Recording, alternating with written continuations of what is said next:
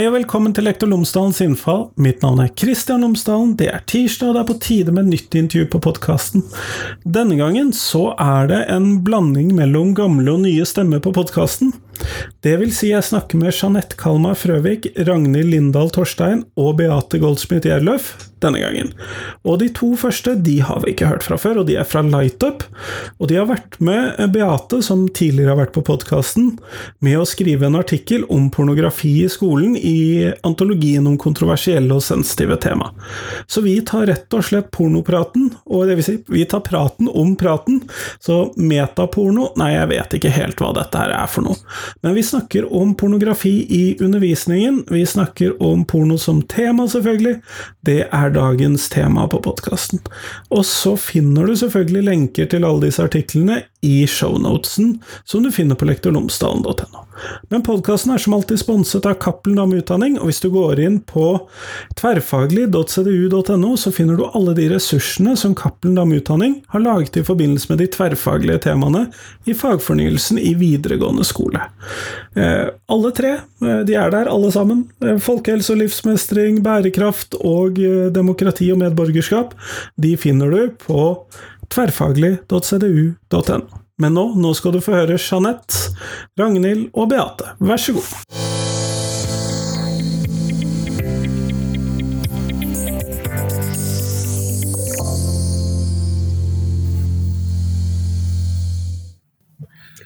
Jeanette, Ragnhild og Beate, tusen takk for at dere har tatt dere tid til meg i dag. Tusen takk for at dere kom. Før vi kommer sånn ordentlig i gang, så må vi nesten eh, få vite litt hvem dere er. Og Beate har jo riktignok vært med på podkasten før, men du skal jo få svare, du òg. Men eh, Ragnhild, eh, fortell lytterne tre ting om deg, sånn at de kan få bli litt bedre kjent med deg.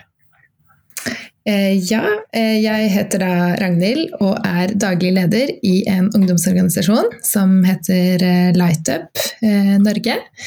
Og jeg har to barn og bor i Oslos skjulte perle, Holmlia. Mm. Tusen takk. Jeanette, hva med deg? Ja, tre ting som jeg tenker beskriver meg i livet disse dager, så er det at jeg er trebarnsmor med en eh, åtte måneder gammel eh, baby som er her, sitter her med meg eh, i dag. og så er det at jeg har skrevet en bok som heter 'Pornoprat'. Og så må jeg si at jeg er veldig veldig glad i den tiden jeg er inne i nå, våren. Koser meg med, med det. Kjempeflott. Tusen takk. Og så, Beate, tre ting om deg. Det trenger ikke være de samme som før. Ja. Nei, nei vi kan ta noen nye. Um, jeg tror Det som på en måte kjennetegner meg aller mest, er nok at jeg er en evig optimist. Det på en måte gjennomsyrer mye av hvem jeg er og hva jeg gjør. Uh, og jeg er også mamma. To barn. Verdens nydeligste barn, selvfølgelig. Salvador og lillemor. Og så har jeg sammen med eh, Ragnhild og Jeanette skrevet et kapittel som vi skal komme nærmere inn på i dag, om pornografi og kritisk tenkning, som da er del av boka som vi nylig har gitt ut om kontroversielle, emosjonelle og sensitive tema i skolen, som jeg har skrevet sammen med Kristin Gregers Eriksen og Mari Jorde. Så tre ting om meg. Evig optimist, mamma og forfatter. Kort oppsummert. Og forsker. Og stipendiat. Og. Eh, og det er veldig bra, Beate. Eh, men som du sier, så har jo dere da skrevet eh, dette kapitlet sammen i denne antologien. Eh, og dere har jo da valgt å skrive om pornografi og kritisk tenkning, og da må jeg jo nesten høre litt Hvorfor har dere valgt å skrive om det i en bok som dette? Og Ragnhild, kunne du si noe om det? Eh, ja, altså vi kom jo i eh, kontakt med Beate, eh, Jeanette og jeg da vi jobbet med vår bok, 'Pornoprat'. Eh, og så eh, var det jo veldig spennende å høre om hennes eh, prosjekt, og så ble vi invitert til å være med eh, å skrive mm, et kapittel da, eh, som er rettet mot lærere. Og da kan jeg bare si kort at eh, den boken 'Pornoprat', som kom ut i fjor høst, den har som hovedmålgruppe foreldre, men også lærere. Hvor vi skriver om hvordan man kan eh, ta de vanskelige, men viktige samtalene med barn og ungdom om eh, pornobruk, om pornoindustrien og eh, ja, det å vokse opp i et samfunn hvor eh, dette er tilgjengelig med eh, et par, taste, et par tasteklikk unna. Eh, og det var jo veldig spennende å få lov til å være med Beate og skrive et kapittel som eh, rettet seg i enda sterkere grad da, mot eh, lærerstudenter og lærere og ja, skoleledere, skolen generelt. Eh, og få lov til å eh, ja, skrive litt mer inngående og akademisk, vil jeg si, om eh, eh, hvilke Og litt mer sånn reflekterende om hvilke ulike roller en lærer kan innta. Og, så det var bare en utrolig Eh, spennende og lærerik prosess eh, for oss også, selv om dette her var et tema som vi har jobbet eh, både Jeanette og jeg har jobbet mye med i flere år. Da. Mm. Men på, på hvilken måte er porno i, i det hele tatt relevant for skolen?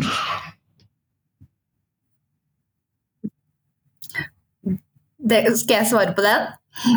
Med mitt skolealibi porno først og fremst så er jo av de kontroversielle temaene som vi tar opp i boka, så er nok kanskje pornografi er kanskje det mest kontroversielle.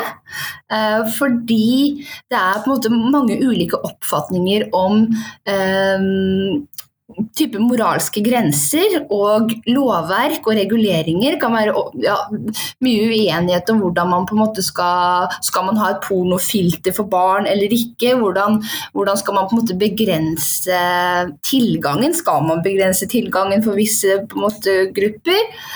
Eh, og så er det også på en måte veldig sensitivt, fordi vi vet at mange barn og unge ser på pornografi, og at de på en måte sitter igjen med ganske sånn ambivalente følelser. På en måte så kan det vekke på en måte lyst og opphisselse, og på en annen um, måte så kan det, opp, kan det, vekke en form for avmakt og opplevelse av at på en måte jenter blir fornedriget. Og For å knytte det her til skolen, så er det jo sånn at den, i de nye læreplanene så skal, man, så skal, elever lære å håndtere uenighet, og de skal uttrykke meningene sine. Eh, skolen skal legge til rette for utøvelse av demokratisk medborgerskap. De skal legge til rette for at elevene blir satt i stand til å eh, mestre livene sine. Og alt dette her gjør jo at pornografi er et veldig godt tema å gå i dybden på. Eh, og så har man også i, i ulike læreplaner eh, mål, kompetansemål som er knytta til sosialisering, til kjønnsroller, til medie, mediepåvirkning, eh, som også gjør pornografi eh, sentralt. Da. Eh, og det er jo et tema som lærere underviser om, selv om det på en måte ikke er et eksplisitt kompetansemål. Og i undersøkelser som er gjort blant lærere, så savner på en måte lærere et verktøy for å prate med barn om pornografi. Og det var der vi på en måte så vårt snitt til å skrive eh, et spennende kapittel, må jeg bare si at det har blitt, om pornografi og kritisk tenkning.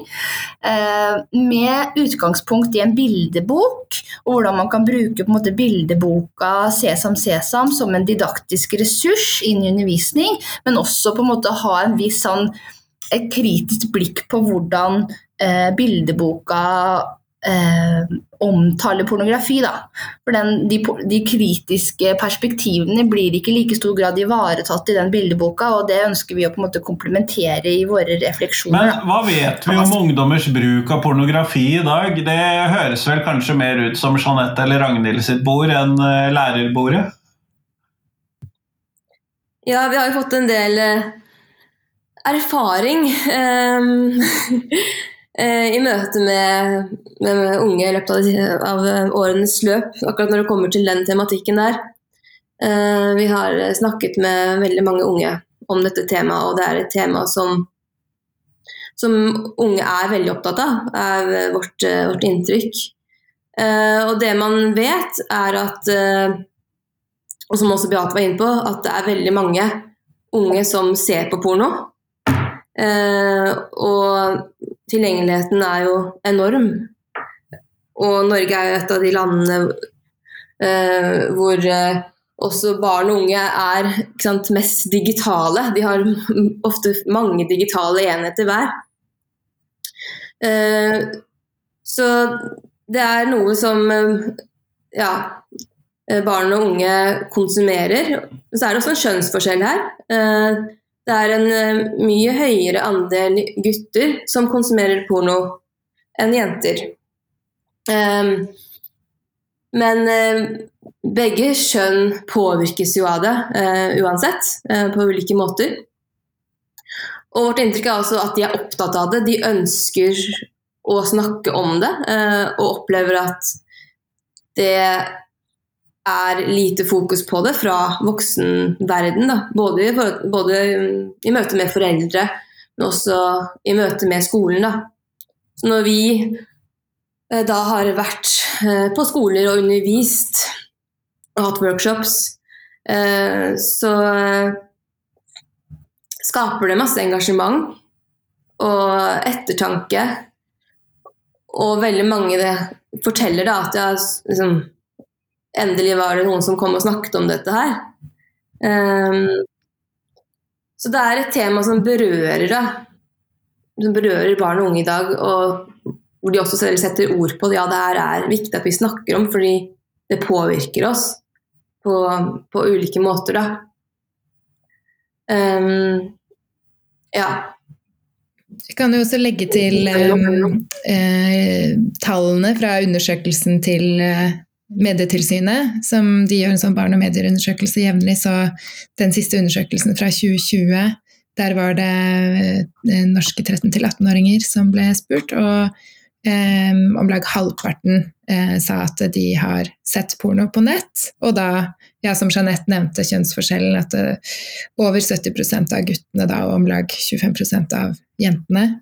Um, og majoriteten av de som sa at de hadde sett porno på nett, um, 57 uh, har da sett det første gang uh, før de fylte 13 år.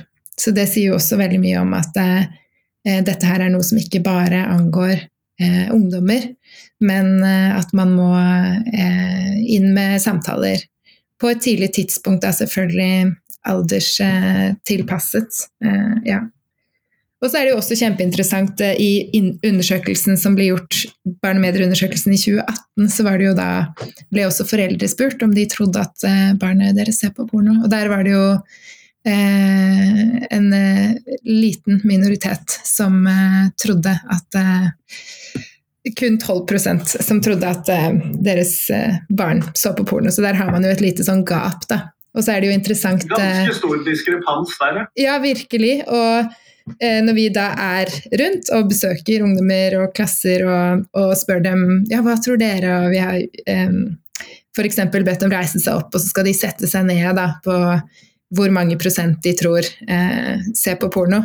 Da er det jo liksom ingen som setter seg omtrent før eh, 70% Sånn at hva, vår opplevelse av hva unge selv tror om pornobruk, er jo Der er jo tallene på en måte til og med høyere enn i Medietilsynet sin undersøkelse. Da.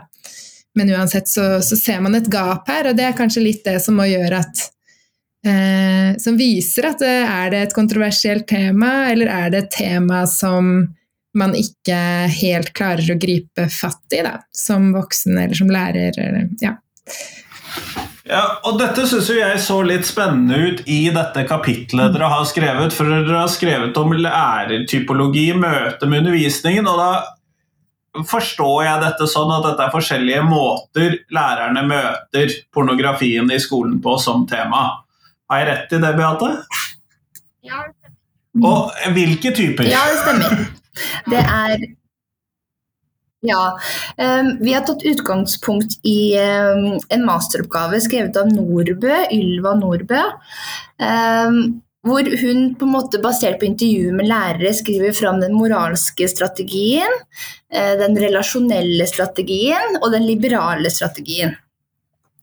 Og eh, det som på en måte har vært vårt eh, innspill, er at eh, de her på en måte strategiene er jo nyttige for å skape på en måte bevissthet for lærere rundt om hvordan man på en måte kan tilnærme seg eh, seksualitet og, og pornografi, men vi, vi, vil gjerne skrive frem den samfunnskritiske strategien som i større grad eh, har et kritisk blikk på hvordan pornografien fremstiller relasjonen mellom mann og kvinne, hvordan det på en måte ofte fremstiller asymmetriske maktrelasjoner, men også eh, et kritisk blikk på det kontekstuelle, med hvordan en del av pornoindustrien er knytta til menneskehandel og seksuell utnyttelse.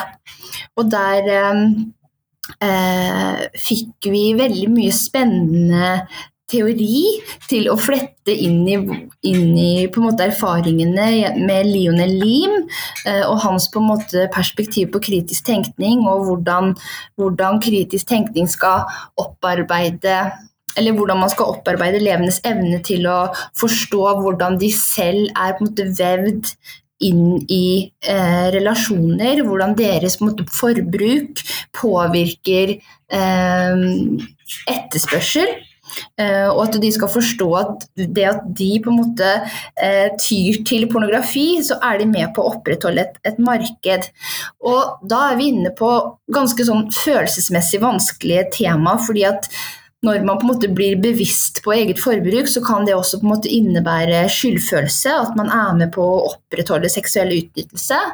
Så vi mener at det er veldig viktig å snakke om skyld, og, og også omsette eventuelle skyldfølelser til eh, handlingskraft. Da, og på en måte eh, bevisstgjøre elevene på at de trenger ikke å på en måte underkaste seg markedskreftene. De trenger ikke å underkaste seg på en måte medies, medias påvirkning. De kan eh, velge å på en måte ikke ikke se på pornografi som, som uh, har voldelige representasjoner av, av seksualitet.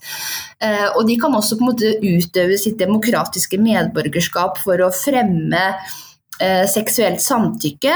Bli bevisst på, på måte, seksuelt samtykke i sine egne relasjoner og andres grenser. Og også på en måte utøve medborgerskapet ved å, ved å ta opp denne tematikken i ulike liksom, politiske kanaler.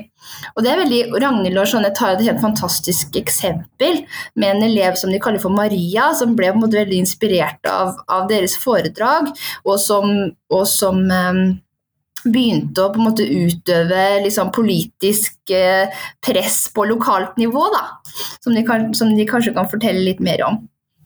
Ragnhild? Uh, ja, uh, det er jo eh, Vi har jo flere opplevelser med møter med unge som eh, virkelig blir si, inspirert av det de hører og opplever at det gir gjenklang. Da. Det er jo ikke sånn at vi kommer inn og så Altså, de sitter jo med mye refleksjoner og tanker fra før av, men at vi kanskje Sånn som i tilfellet med Maria, da, fikk lov til å på en måte eh, gi henne noen knagger og hekte ting på, og som da gjorde at hun ønsket å eh, ta engasjementet sitt videre. Eh, og hun var jo da eh, deltok i eh, lokalavis og var eh, ja, med, altså besøkte ulike skoler og hadde opplegg for andre ungdommer. hvor hun belyste spesielt dette med Eh, pornografi og kritiske perspektiver. Og, så det er jo et eh, veldig godt eksempel da, på eh, hvordan unge selv kan på en måte eh, ta i bruk eh, hva heter det, altså være en demokratisk medborger og, og eh, utøve dette medborgerskapet, som det så fint heter. Mm. Men Ragnhild, du sa i stad at eh, pornografi kanskje ikke var et kontroversielt spørsmål, men heller noe som lærerne ikke helt klarte å få et grep om. Kunne du si noe mer om det? Ja, altså eh, Jeg vil vel si at jeg tror både det er kontroversielt og um, at man ikke får grep om det. Men jeg har inntrykk av at når det gjelder lærere, så tror jeg at um, det kanskje Altså at det, sånn som den, det denne boka gjør, da, som tar opp sant, kontroversielle og, og sensitive tema, det er jo nettopp det å gi lærere litt sånn eh, kjøtt på beinet, altså litt verktøy for å kunne eh, på en måte stå i og ta tak i de temaene i klasserommet og møte de ulike reaksjonene som måtte komme, og, og være rustet til å, til å, tåle det. Da. For jeg tror nesten at um, i møte med politikere så opplever vi i hvert fall at uh, der, der, er det super, uh, et superkontroversielt tema, og det, man skal lete lenge for å finne noen som tør å ta i P-ordet, som vi kaller det. Ehm, det er, eh, det er, langt imellom de politikerne som vil sette sin, sitt eget rykte på spill, eller hva, hva du nå Med mindre de kommer fra KrF, kanskje? Ja, det var det. Så ja, det er liksom eh, og, og, til og med der, det er, det er, langt imellom om dagen, syns i hvert fall vi. Men um, ja, nei, så, så, der har jo virkelig lærere en mulighet da, gjennom å bli bevisst på så, For jeg tror det er det som jeg håper at vi kan bidra med med dette kapitlet. At lærere kan forstå at ok, men uavhengig av hvilken, um, hvilket på en måte ståsted jeg selv kommer fra, uavhengig av om jeg oppfatter meg selv som liberal eller som mer sånn relasjonell, altså hvordan rolle har jeg i klasserommet og som lærer, så kan man få lov til å på en måte komme inn med den rollen man har, og gripe an det temaet. Og da er det jo en kjempehjelp å vite at ok, men noen andre lærere Altså jeg er kanskje veldig liberal, men en annen lærer vil kanskje på en måte belyse mer det samfunnskritiske. Det å kjenne til eh, de ulike rollene som fins, kan gjøre at man eh, ved å velge én av rollene likevel kan ha eh, husker huske på de andre rollene og tenker ok, men det går faktisk an å innlemme flere perspektiver i denne rollen. At man kan Eh, fordi det er jo det vi har erfart at i den eh, Som lærere også har sagt til oss, da, at i den grad de har tatt opp det temaet, så har det vært lettere å snakke om for eksempel, eller lettest å snakke om pornografi i forhold til kroppspress og urealistiske forventninger som det kan skape om hva sex og seksualitet er. Eh, men det å gå videre inn på kritiske perspektiver er veldig vanskelig. Og da har jo vi også besøkt eh, ungdomsskole f.eks., hvor eh, elevene har sagt ja, men i 7. klasse så lærte jo helsesykepleiere også at vi bare kan se på porno for å lære om sex, og at det er jo Altså, det er ingenting i veien med det. Jeg håper det er få helsesykepleiere som sier det, altså. Jeg håper har, virkelig Vi har opplevd det gjentatte ganger, og, jo, og da, da, tenker man jo sånn ok, her er det kanskje noen kunnskapshull, må man jo håpe da, at det er det, at det, det det dreier seg om, og at det er i ferd med å skje en endring. Men uh, men det er jo urovekkende at det fins helsesykepleiere som sier at de skal på en måte lære om sex gjennom pornografi. Uh, sånn at det er mye det er, det er på en måte, Vi trenger kompetanseløft både blant helsesykepleiere og også blant lærere. Og vi trenger at, at det er samarbeid uh, mellom disse aktørene i skolen, da. Rett og slett. Mm. Og det er jo nødvendig, men, eh, og du skisserer jo her noen sånne forskjellige innganger til pornografi. men eh, i et skolesammenheng, eh, tenker du at pornografi blir et kontroversielt tema også internt i skolen, Beate, eller er det mer det politiske hvor dette er kontroversielt? Det blir også internt i skolen. Det, og det kan være på en måte kontroversielt på, på, ulike måter. Det kan være kontroversielt i den forstand at noen lærere mener kanskje at man skal undervise om det, mens andre gjør ikke det. Og så kan man også på en måte ha eh, ulike meninger om hva som eventuelt skal vektlegges i undervisning. Eh, sånn at det er eh, det, jeg vil tro at det er en av de mest måte, kontroversielle temaene som vi kan ta tak i, faktisk. Fordi lærere også er på en måte Det er sannsynlig at mange lærere selv ser på pornografi. At de kan på en måte opp, føle en form for skam også over på en måte at de selv bidrar til å på en måte opprettholde et marked som ikke bestandig eh, ivaretar menneskerettigheter og menneskeverdet. Og så er det jo egentlig det er veldig interessant når jeg ser på eh, min egen forskning om hvilke lærere er det som på en måte tar opp seksualitetsrelaterte tema. Og det er jo eh, Jeg gjorde en regresjonsanalyse av 64 um, intervjuer som jeg på en måte har eh, gjort med sånn likhetsskala som måler i hvilken grad lærere tar opp ulike tema. Og da var det helt tydelig at det er yngre kvinnelige lærere som i all hovedsak eh, underviser en del om seksualitetsrelaterte tema. Og så kan man jo spørre seg selv hvorfor er det sånn? Og det er jo fordi jeg tror at mange unge kvinner føler et behov for å, for å fremme sånn rettferdighet gjennom undervisning.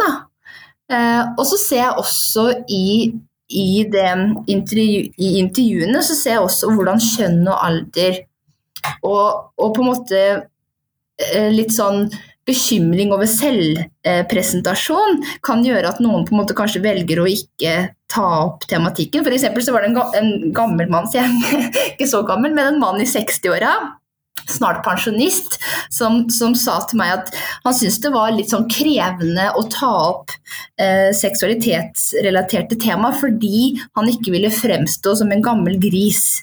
Og jeg synes at Det sitatet der er helt, er helt, episk, fordi det viser hvordan på en måte lærerens selvrepresentasjon og bekymring for hvordan man fremstår i klasserommet, kan regulere hvilke tema som blir tatt opp. og det er jo jeg tenker sånn at ja, du er en mann i 60-årene som skal snakke om pornografi med kanskje 13-14-åringer, da. Eh, så forstår jeg jo at det blir krevende, men så kan f.eks. En, en samfunnskritisk strategi, hvor man på en måte belyser eh, pornografiens representasjon, hvordan det på en måte kanskje undergraver likeverd, og også på en måte setter det i lys med det kontekstuelle tenker jeg at det kan være kanskje følelsesmessig mindre krevende enn å gå inn i på en måte seksuelle følelser, kanskje. da, Og lyst og opphisselse og den type ting. Og, da, og, og jeg tenker at lærerne vil nok helt sikkert på en måte tilpasse undervisningen til hva de føler at de kan håndtere. da. Og det må jo være greit. Samtidig som at man må også på en måte forstå læreplanens mandat om å gi elevene den kunnskapen de trenger for å stå i, stå i de samfunnsutfordringene vi har. Da. Men jeg syns det er litt interessant det du sier der, Beate. fordi at eh, Hvis vi ser på f.eks. sexologikonferanser eller den typen sammenhenger, organisasjoner osv., så, videre, så består den i hovedsak mm. av kvinner og homofile menn. Nå tegner jeg selvfølgelig et litt grovt bilde her, men eh, den heterofile mannen mangler jo veldig ofte i disse sammenhengene. og det mistenker jeg at vi gjenfinner også i det datamaterialet der at det er Ja. Ja, men, men noe, av som, noe, av det som, gir meg veldig mye håp, er at de mennene som jeg har uh, eh, intervjua, de syns det er veldig viktig å snakke om seksualitet.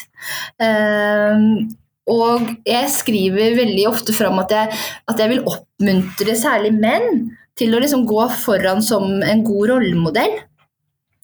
Uh, for at både kvinner og menn og ikke-binære lærere har en, har en, viktig jobb å gjøre der. Mm. Men Ragnhild og Jeanette, når dere tar opp disse temaene ute i skolene, eh, hvordan, eh, hvordan, blir dere møtt av elevene? Dere fortalte jo om eleven, noen elever tidligere som blir veldig engasjert av dette. men hvordan er det sånn litt mer generelt når dere tar opp disse temaene ute i skolene? Ja, det Jeg vil si at vi opplever at Eller har opplevd at uh, elevene reagerer ganske ulikt, da. Og um, en del uh, gutter som vi har møtt, um, kan begynne å tulle en del. Uh, og ja, name-droppe navn på pornoskuespillere. Um, uh, mens uh, kanskje hvis man tenker en klassesituasjon, da, så uh, er jentene kanskje oftere mer stille. det er litt vanskelig, som jeg på. Ja, nei, men Det kan jeg se for meg. Og for de som lytterne, så vil de jo da høre det yngste barnet i, til forsamlingen her i bakgrunnen. sånn at det, tror jeg de lever godt med. Men Ragnhild, er dette relativt sånn gjentagende at jentene da blir stille i disse sammenhengene, eller er det noe som eh, Eller blir de, er det to modeller her? At de enten blir veldig engasjerte, eller at de blir veldig stille? Ja, altså, vi syns vi ser veldig tendenser til at um, at uh, ja, det er liksom det klassiske vi møter, da. At gutta blir litt sånn frampå og litt sånn Kanskje sitter litt på bakerste rad og, og tøyser og ler, på en måte. Mens jentene blir litt mer sånn har litt mer sånn ambivalent reaksjon kanskje i møte med deg. At kanskje fniser de litt, men så blir det litt stille. og um, så er det oftere at vi kan oppleve at det kanskje kan komme Det kan jo handle om at eh, vi er kvinner, da, men at det kan komme kanskje bort noen jenter etterpå og ha behov for å liksom eh, spørre om noe, eller ja, si at 'å, dette her er så viktig tema', og ja. Men eh, ja, det kan jo selvfølgelig være flere faktorer som gjør at det er sånn, da. Så opplevelsen er i hvert fall eh, Altså når vi har snakket om dette, så har det ofte vært Eh, og fra ja, flere år tilbake si, at vi har hatt eh, en undervisning eller workshop om eh, menneskehandel og seksuell utnyttelse, og så har vi på en måte kommet inn på hvordan vi eh, som forbrukere på en måte kan være med å, å, utgjøre en forskjell med vår kunnskap, hva vi vet om temaet, våre holdninger, og hvordan vi på en måte kan spre holdninger i våre omgivelser og dele av den kunnskapen, men også at det kan inspirere oss til å ta valg da, som kan hindre at utnyttelse skjer. Og når vi snakker om sant, eh, tvangsarbeid eller etisk forbruk, så er det jo veldig sånn det med å etterspørre ok, hvem er det som har sydd denne buksa jeg kjøper på butikken, og litt mer den tematikken der. Og så kommer vi inn på det med seksuell utnyttelse, og der er jo, kan man jo ikke komme forbi pornotema, fordi det, det, er veldig lett å tenke ja, men jeg som Altså at en elev kan tenke, da, jeg som er ung i dag, liksom jeg går jo ikke og kjøper sex, og liksom, vi har jo ikke det er jo klart Man har jo en del eh, online-bordeller, kan man jo nesten si, da, men man har jo ikke det altså Sexindustrien er jo ikke så fremtredende i gatebybildene rundt omkring i Norges land. Da. Men den, eh, det at den er der på nett eh, og, Så det har vært en sånn inngangsport, men da passer vi også på selvfølgelig å si at dette her er jo kanskje Nå går vi inn på et tema som kan være litt eh, litt mer krevende, fordi den kan handle om Kanskje har man utfordrende erfaringer eh, selv med pornobruk, eller kjenner til, har en venn som man lurer på om har utfordringer med det, og det kan være at noen kan ha opplevd krenkelser, eller eh, noen ting som er vanskelig. Sånn at vi eh, Ja vi stuper på en måte inn i det, men likevel så prøver vi å liksom eh, også forklare at ok, nå kommer vi inn på et tema som kan eh, eh være litt vanskelig for enkelte. Da.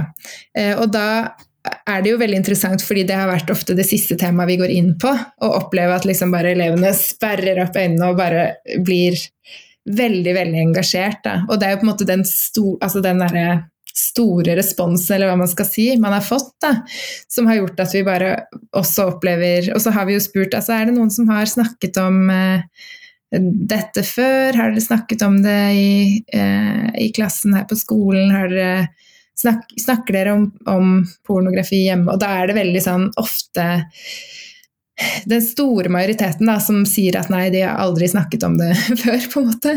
Så det viser jo virkelig at man har eh, man har eh, mulighet for å ta disse samtalene, og, jeg, og virkelig så er det jo det fins unntak. Det fins mange lærere som er eh, gode på disse temaene. Og eh, husker på å inkludere det når det er seksualitetsundervisning, eller til og med innenfor samfunnsfag, hvis man skal løfte frem sånn, dette med menneskerettigheter eller brudd på menneskerettigheter. Og, så ja, men, eh, men, vi tror at vi har en vei å gå også på å ta tak i det. Mm. Nå kan jeg også tilføre, tilføye en ting. Eh, for det er en ting som jeg tenker er veldig viktig at uh, man som lærer på en måte er klar over det og bevisst på, er at når man tar opp det temaet her, så kan det åpne opp for eh, vonde følelser og erfaringer hos, eh, hos de unge. Eh, så jeg tenker det er viktig at man på en måte har lager en slags beredskapsplan, eller at man eh, allierer seg med helsesykepleier. Eh, sånn at man kan også henvise eleven videre hvis eleven, elever har behov for videre oppfølging og samtale da, i etterkant av um, man har hatt undervisning om, om dette temaet. For det har jo vi opplevd også flere ganger at det kommer folk etterpå som kan fortelle vonde opplevelser. Eller om, øh, om øh, altså overgrepserfaringer og slike ting. Da er det viktig at man som lærer er bevisst på okay, hva gjør vi med dette, hvordan håndterer vi det. da. Uh, og at også kanskje Mm. noen ganger tenker jeg at helsesykepleier kan også være med uh, på undervisningen og også være liksom tilgjengelig i, i etterkant. At det kan være en god løsning. Mm. Eh, Vi går mot slutten av tiden vi har satt av i dag, og da vil jeg jo spørre dere det spørsmålet som jeg stiller til alle jeg intervjuer. Eh, Og Vi kan jo starte med deg, Jeanette, siden du har på mikrofonen. Og Hva er de tre viktigste tingene som skolen lærer elevene? Ja. um, vet du hva, jeg tenker at um, noe av det viktigste uh, som skolen kan lære elevene, det er som å fremme menneskeverdet og, og menneskerettighetene. Og i det så ligger det ganske mange elementer, da, men det tenker jeg er uh, en stor oppgave som, som skolen har. Um, og så uh, er det jo dette med uh, å um, lære barn og unge å bli, være bærekraftige forbrukere i den verden som vi lever i nå. er et viktig, et viktig punkt. Um, og også opparbeide det sosiale og, sånn, og mellom, mellommenneskelig kompetanse. Fungere sosialt med andre og eh, i samfunnet. Det er i hvert fall noen viktige momenter, tenker jeg. Um, ja. Kjempeflott. Eh, Ragnhild, hva med deg? Nå syns jeg jo egentlig at eh, Jeanette sa det jeg hadde tenkt å si. Uh, ja, så jeg kan jo bare understreke altså det å At skolen kan fremme eh, eh, at elever ja, kan få respekt for menneskeverd og ja At likeverd og solidaritet at det kan være verdier som man At når man går ut av skolen, så er det noe som man på en måte holder høyt da, i møte med eh, ja, alt man skal videre. At, eh, og utruste dem til å bli samfunnsborgere som, som tar dette eh, på alvor og ser hvordan de eh, spiller en rolle eh, med de holdningene og handlingene, ja, valgene de selv tar videre. Og da tenker jeg jo også eh, Det er jo også et, masse mer vi kunne snakket om her, men eh, at eh, når det kommer til det med liksom at elevene kan få en kompetanse til å håndtere sine relasjoner. Da. At det er, også, det er også noe som må gjelde på de digitale flatene. Og det er jo et kjempestort ansvar som eh, skolen har i dag. At eh, elever kan forstå at på en måte, ok, men sånn som jeg er mot andre eh, i det virkelige liv, det, altså at det, det er det samme, holdt jeg på å si, hvordan man skal være mot andre eh, på nett.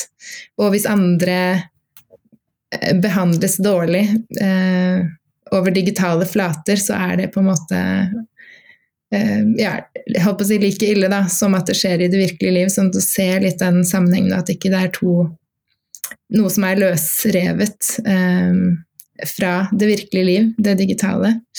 Mm. Kjempeflott. Hva med deg, Beate?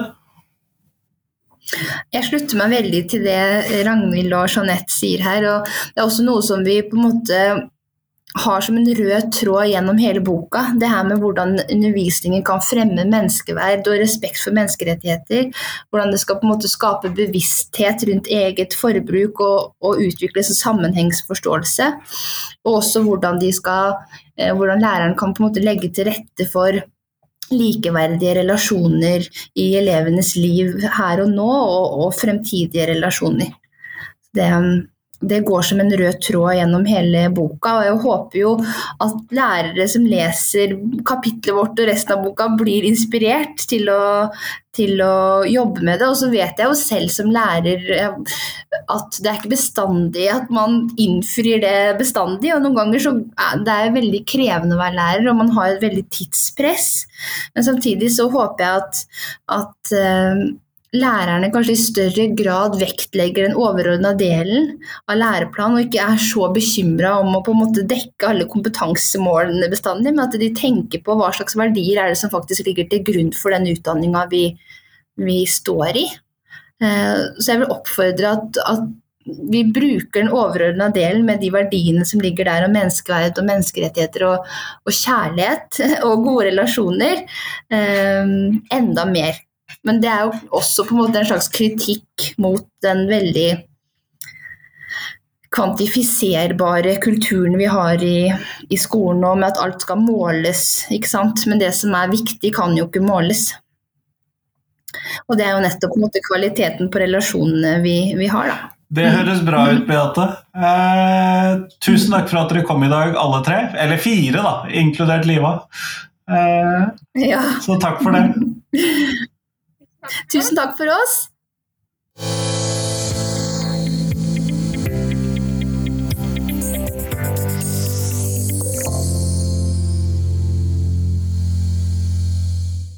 Tusen takk til Jeanette, Ragnhild og til Beate, og tusen takk selvfølgelig til deg som hørte på.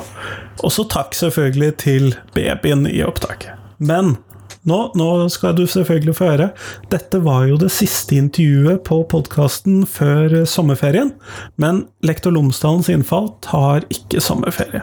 Så jeg håper at du kan dele podkasten min med noen i løpet av sommerferien. Det er jo en glimrende tid å høre på masse podkast, sånn at jeg tenker at eh, del podkasten min med noen, det vil jeg sette utrolig stor pris på. Og så kommer det selvfølgelig et helt vanlig intervju på tirsdag neste uke, og så kommer det et, eh, en reprise denne fredagen. Og neste fredag, selvfølgelig. Men nå, nå skal du få lov til å ha uken din for deg selv. God ferie. Hei, hei.